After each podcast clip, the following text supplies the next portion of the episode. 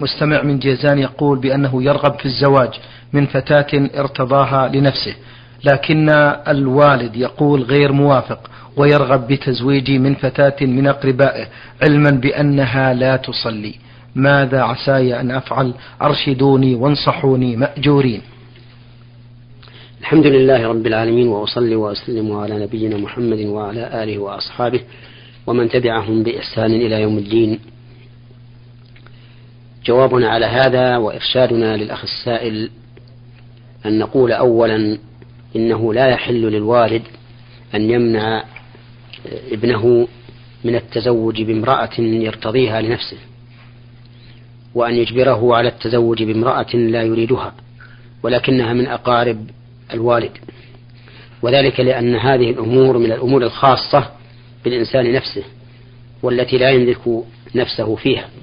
فلا يجوز أن يجبر على ما لا يريد وأن يمنع مما يريد. هذا بالنسبة لأبي هذا السائل. ووجه النصيحة إليه بأن يدع ابنه وما يريد. أما بالنسبة للابن فإنه لا يلزمه طاعة والده في هذا في هذا الحال. أي لا يلزمه أن يطيع والده في أن يتزوج امرأة لا يريدها وأن يدع امرأة يريدها. فله أن يتزوج المرأة التي يريدها ولو كره والده. إذا لم تكن هذه المرأة ذات خلل في دينها أو خلقها. ولا سيما أن السائل يقول إن هذه المرأة التي يريد أبوها أن يتزوجها لا تصلي فإن المرأة التي لا تصلي لا يحل لأي مسلم أن يتزوج بها حتى تعود إلى الإسلام لأن من ترك الصلاة فهو كافر كفرا مخرجا عن الملة. فكما أنه لا يجوز لنا أن نزوج امرأة برجل لا يصلي فكذلك لا يجوز أن يتزوج إنسان بامرأة لا تصلي. وخلاصة الجواب أنه لا يجوز للأب أن يكره ابنه أن يتزوج بامرأة لا يريدها أو أن يمنعه من التزوج بامرأة يريدها إذا كانت ذات خلق ودين ولا ولا يلزم الابن أن يطيع والده في ذلك وله أن يتزوج من يريد أو من يرغب في زواجها ولا يعد ذلك عقوقا لوالده. نعم. بارك الله فيكم. هذا المستمع ألف خاء من السودان يقول أيهما يجب وضعه أولا الركبتين أو اليدين عند الإتيان بالسجود؟ وضع اليدين على الركبتين والجلوس على هذه الحال أو اليدين قبل الركبتين؟ أرجو بهذا السؤال إفادة. أولا تعبير السائل بقوله أيهما يجب فإننا نفيده بأنه لا يجب أن أن يسجد على ركبتيه أولا أو على يديه أولا. وإنما الخلاف أيهما أفضل؟ نعم. أن يسجد على ركبتيه أولا ثم على يديه أو على يديه أولا ثم على ركبتيه. وهذا محل نزاع بين العلماء. نعم. والصحيح أنه يبدأ أولا بالركبتين ثم باليدين. وذلك لأن النبي صلى الله عليه وسلم قال إذا سجد أحدكم فلا يبرك كما يبرك البعير. ومن المعلوم أن البعير إذا برك يقدم يديه أولا فتجده ينحني في مقدم جسمه قبل مؤخره. وعلى وعلى هذا فإن الإنسان إذا سجد وقدم يديه صار مشابها للبعير. والنبي عليه الصلاة والسلام لم يقل فلا يبرك على ما يبرك عليه البعير. لو قال فلا يبرك على ما يبرك عليه البعير لقلنا ابدأ باليدين لأنك لو بدأت بالركبتين لبركت على الركبتين كما يبرك البعير. وهناك فرق بين التعبيرين بين أن يقول فلا يبرك كما يبرك وأن يقول فلا يبرك على ما يبرك. فإن قوله فلا يبرك كما يبرك نهي عن الكيفية والهيئة التي يبرك عليها البعير بقطع النظر عن العضو الذي يبرك عليه. وأما فلا يبرك على ما يبرك عليه البعير فهذا نهي عن البروك بالعضو الذي يكون مشابها للبعير وعليه فلا يرد علينا ما قاله بعض القوم الذين يرون السجود على اليدين أولا من أن ركبتي البعير في يديه. فإننا نقول نعم إن ركبتي البعير في يديه ولكن الرسول صلى الله عليه وسلم لم ينهى عن البروك على ما يبرك عليه البعير حتى نقول لا تبرك على ركبتيك وإنما و... نعم. وإنما نهى عن عن البروك كما يبرك البعير أي عن الكيفية والهيئة. وبهذا نعرف أن آخر الحديث الذي فيه النهي عن البروك كما يبرك البعير وهو قوله وليضع يديه قبل ركبتيه فيه انقلاب على الراوي وأن صوابه وليضع ركبتيه قبل يديه لأن هذه الجملة الأخيرة هي التي تناسب أول الحديث. أما الجملة الأولى وليضع يديه قبل ركبتيه فإنها تناقض الحديث. والله أعلم. بارك الله فيكم. والخلاصة الآن نعم. أن الساجد إذا سجد يبدأ بركبتيه ثم كفيه ثم جبهته وأنفه وإذا كان الإنسان ثقيلا أو عاجزا أو ما أشبه ذلك وأراد أن يبدأ بيديه قبل ركبتيه فلا حرج عليه في هذا. نعم. طيب. يقول أحيانا يكون الإمام سريعا في صلاته فيركع قبل أن تتم قراءتك ويسلم قبل أن تتم التشهد فماذا على المأموم أن يفعل إزاء ذلك؟ إذا كانت سرعة الإمام تمنع المأموم من فعل شيء واجب فإن عليه أن يفارقه أي ينفصل عنه. ويتم الصلاة لنفسه. فإذا كان مثلا لا يمكنك أن تقرأ الفاتحة حتى يركع فحينئذ عليك أن تنفرد وتكمل الصلاة لوحدك بطمأنينة. أما إذا كان الإمام يسرع قبل أن تكمل القراءة التي بعد الفاتحة فلا حرج عليك أن تتابعه وأن تقطع القراءة وتركع وإن لم تتم القراءة التي كنت تريدها. وأما في التشهد فإذا سلم قبل أن تتم التشهد فإن كنت لم تأتي بالواجب فأتي بالواجب ثم سلم.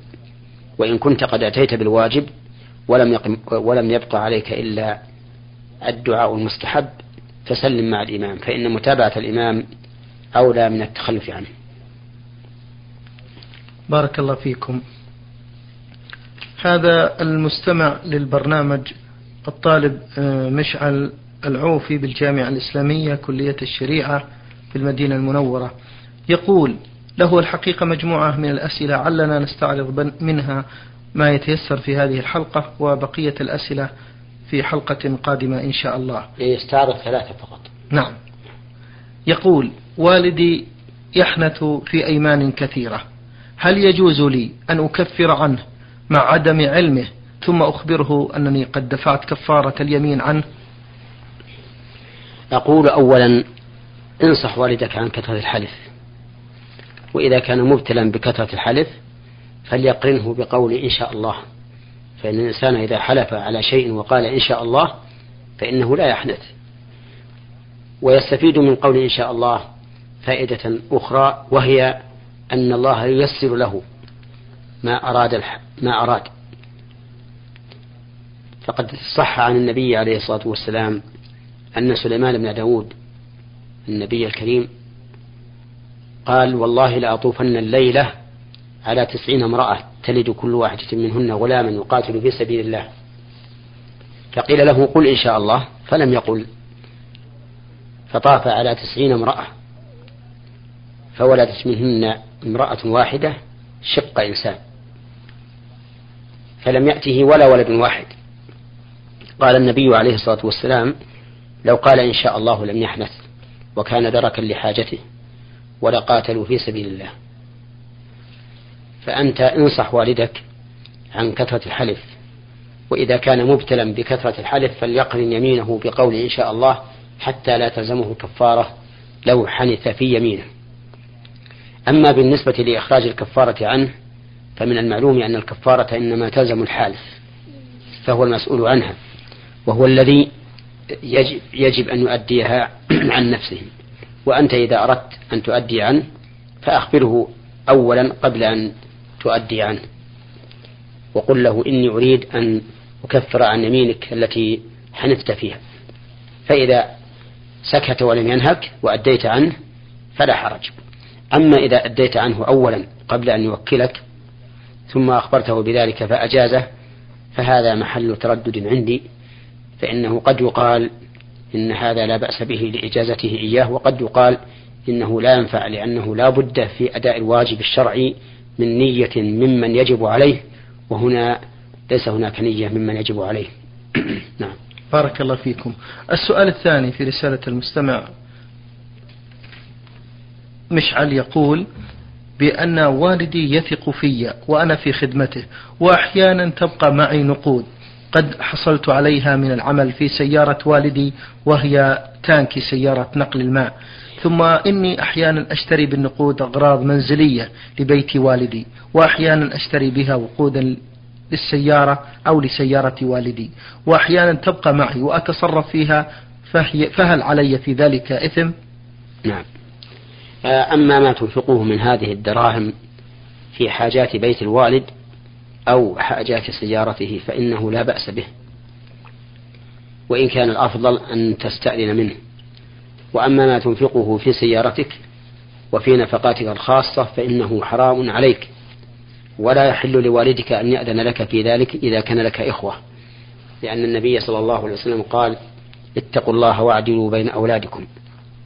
نعم لو اتفقت مع والدك أنك تستعمل سيارته في الأجرة على أن يكون لك نصف الأجرة مثلا.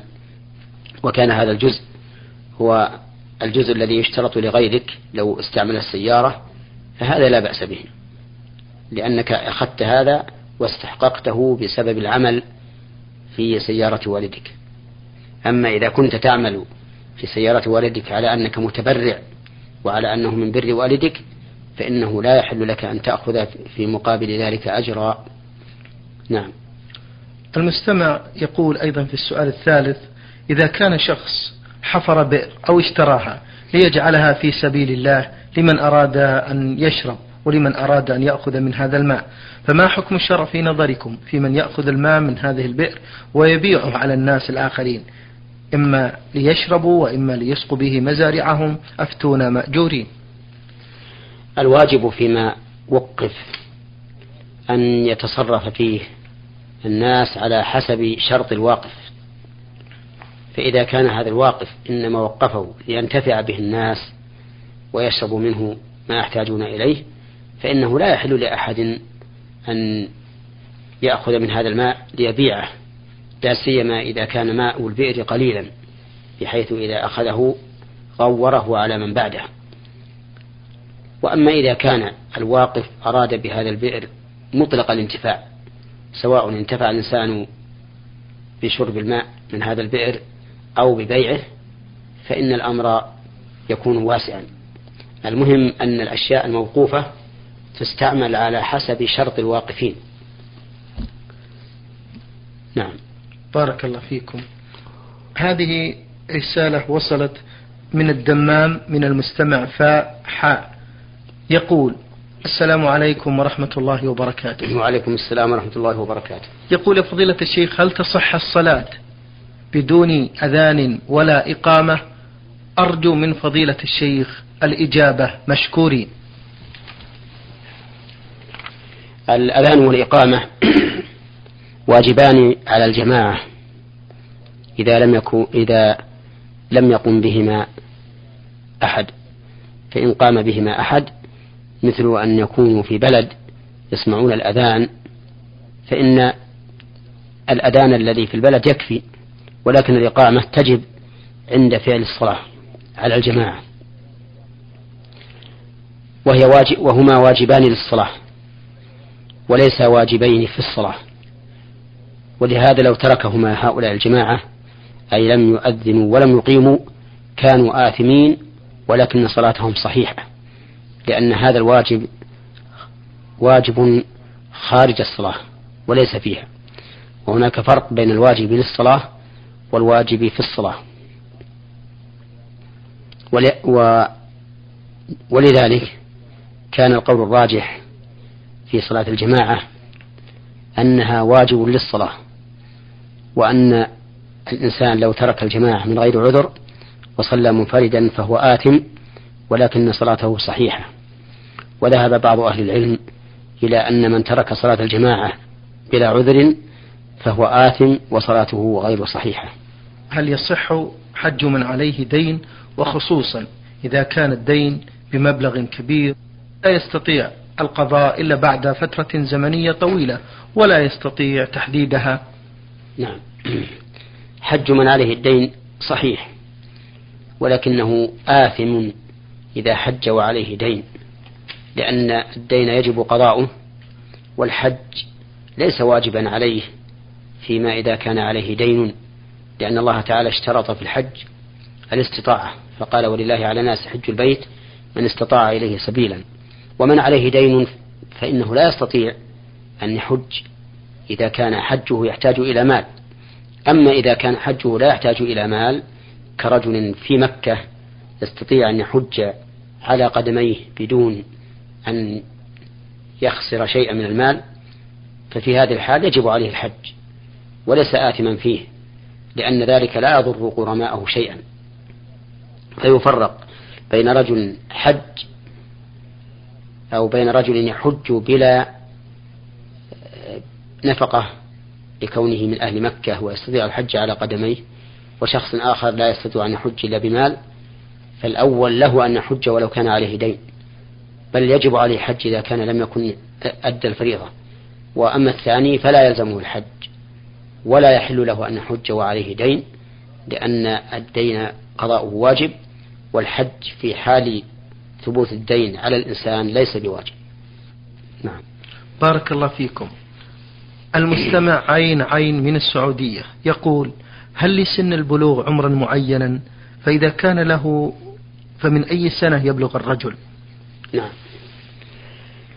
المشهور عند أهل العلم أن البلوغ له سن معين وهو تمام خمس عشرة سنة. واستدل أهل العلم لذلك بحديث ابن عمر رضي الله عنهما أنه قال وجزت عرضت على النبي صلى الله عليه وسلم يوم أحد وأنا ابن أربع عشرة سنة فلم يجزني ولم يرني بلغت وعرضت عليه يوم الخندق وأنا ابن خمس عشرة سنة. فأجازني يعني ورآني قد بلغت. فإذا تم للإنسان خمس عشرة سنة فقد بلغ. وقد يبلغ الإنسان قبل أن يتم له خمس عشرة سنة وذلك بنبات العانة وهي الشعر الخشن الخشن الذي ينبت حول القبل. وقد يبلغ قبل ذلك. وذلك بنزول المني بشهوة. فإنه متى نزل منه المني بشهوة يقظة أو مناما صار بالغا وإن لم يكن له إلا اثنتا عشرة سنة. نعم. يذكر يا فضيلة الشيخ ويقول بأنه لا يدري في أي سن بلغ ولم يصم شهر رمضان في الصف الأول المتوسط فإذا كنت لا أعلم بأني قد بلغت فهل علي قضاء أم لا؟ ليس على ليس عليك قضاء. وذلك لأن الأصل عدم بلوغك حتى تعلم أنك بلغت وتركت الصوم وأنت بالغ. وما دمت شاكا هل صمت بعد بلوغك أو أنك تركت الصوم فالأصل براءة ذمتك ولا يلزمك القضاء.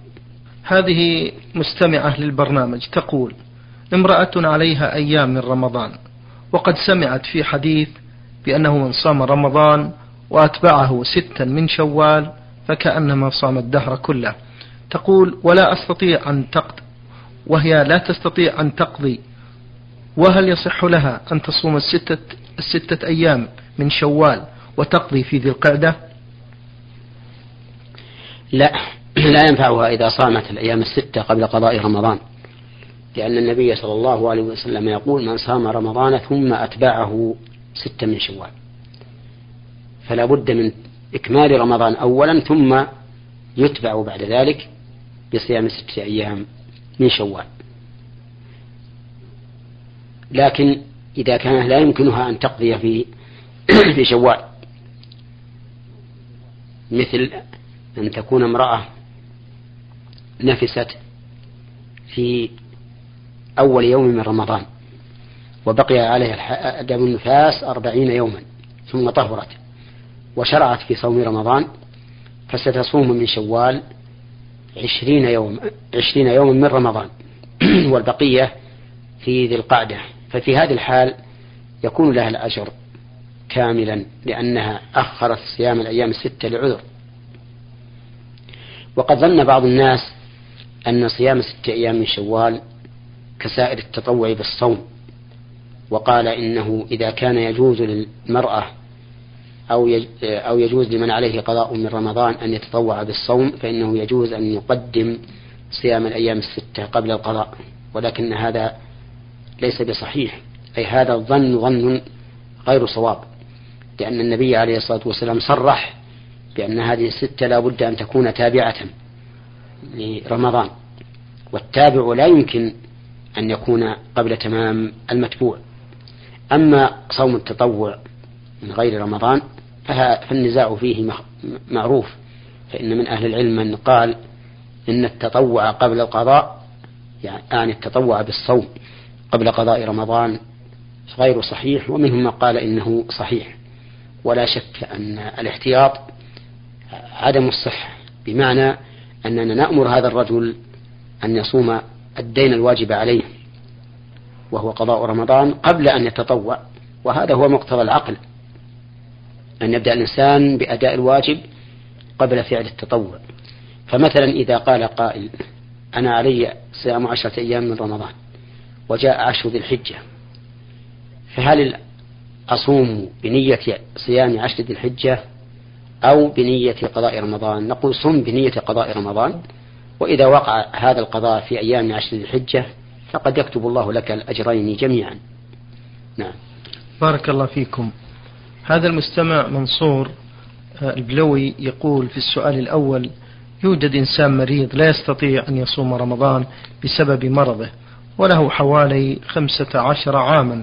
ماذا يجب عليه أن يفعل؟ علما بأن قريته التي يسكن بها لا يوجد بها مساكين. أفيدونا جزاكم الله خيرا. الذي يفهم من سؤاله أن له خمسة, خمسة عشر عاما لا يستطيع الصوم. نعم. فإذا كان كذلك فإن الواجب عليه أن يطعم عن كل يوم مسكينا. وإذا لم يكن في في قريته, قريته أحد من المساكين فلينقله إلى قرية أخرى يكون فيها مساكين. فإن عجز عن نقله ولم يتمكن سقط عنه الواجب كسائر الواجبات فإن فإن الله تعالى يقول في كتابه لا يكلف الله نفسا إلا وسعها ويقول فاتقوا الله ما استطعتم. وقد أخذ العلماء من هذا قاعدة مفيدة وهي أنه لا واجب مع العجز. السؤال الثاني في رسالة المستمع منصور آه، كتب السؤال الحقيقة بتعبيره يقول يوجد زوجة وزوج. وطلبت منه الزوجة أن تتصدق من أموالهم المشتركة بينهم. ولكن الزوج قال أنا لا أمنعك ولكن لا أسامح لا أسامحك. فماذا تفعل الزوجة أفيدونا بهذا؟ آه، للزوجة في هذه الحال أن تقاسم الزوج من هذا المال المشترك بأن تقول أنا آخذ مئة ريال مثلا وأنت خذ مئة ريال. تكون المئة خاصة بك والمئة هذه خاصة بي وأنا أريد أن أتصدق. وليس له الحق في منعها من الصدقة لأنها حرة في مالها. وأما قوله أنا لا أمنعك ولا أسامحك فهذا تناقض. لأنه إذا كان لا يمنعها فإن فإن هذا يقتضي أن يسامحها. وإذا كان لا يسامحها فهو يقتضي أن يمنعها. فعليه أن يتقي الله في هذه الزوجة التي تحب الخير وأن لا يمنعها من الصدقة. فإن شاء جعل الصدقة من, من مالها الخاص وخصم عليها ما تصدقت به من المال المشترك وإن شاء آه، أذن لها أن تصدق من مالهما جميعا ويكونان شريكين في الأجر. بارك الله فيكم. هذه رسالة وصلت من مستمعة للبرنامج. تقول فضيلة الشيخ الفاضل أنا أصوم من كل شهر ثلاثة أيام الثالث عشر والرابع عشر والخامس عشر. فهل يجب علي القضاء إذا أفطرت خلال هذه الأيام نتيجة لأسباب الحيض أو نتيجة أو نتيجة نسيان؟ أرجو منكم إفادة. وجوب القضاء ليس غير وارد. وذلك لأن هذا الصوم صوم تطوع وصوم التطوع لا يأثم الإنسان بتركه. ولا يجب عليه قضاؤه. ولكني أخبر السائلة ومن يستمع أن صيام الأيام الثلاثة من الشهر تجزئ سواء في أوله أو وسطه أو آخره كما كان النبي عليه الصلاة نعم. والسلام لا يبالي أن يصومها في أول الشهر أو وسطها أو آخره. وأن كونها في اليوم الثالث عشر والرابع عشر والخامس عشر سنة ولا يفوت أجرها إذا جعلها فيما قبل هذه الأيام أو فيما بعدها. نظير ذلك مثلا الصلاة في أول وقتها أفضل ولكن لو صلاها في آخر الوقت أو في وسط الوقت أجزأت. كذلك صيام الأيام الثلاثة في هذه الأيام في أيام البيض أفضل ولكن لو صامها في أول الشهر أو آخره حصل بذلك الكفاية والأجر. وأن من صام وأن صوم ثلاثة أيام من كل شهر صوم الدهر كله كما جاء ذلك عن رسول الله صلى الله عليه وسلم. شكر الله لكم يا فضيلة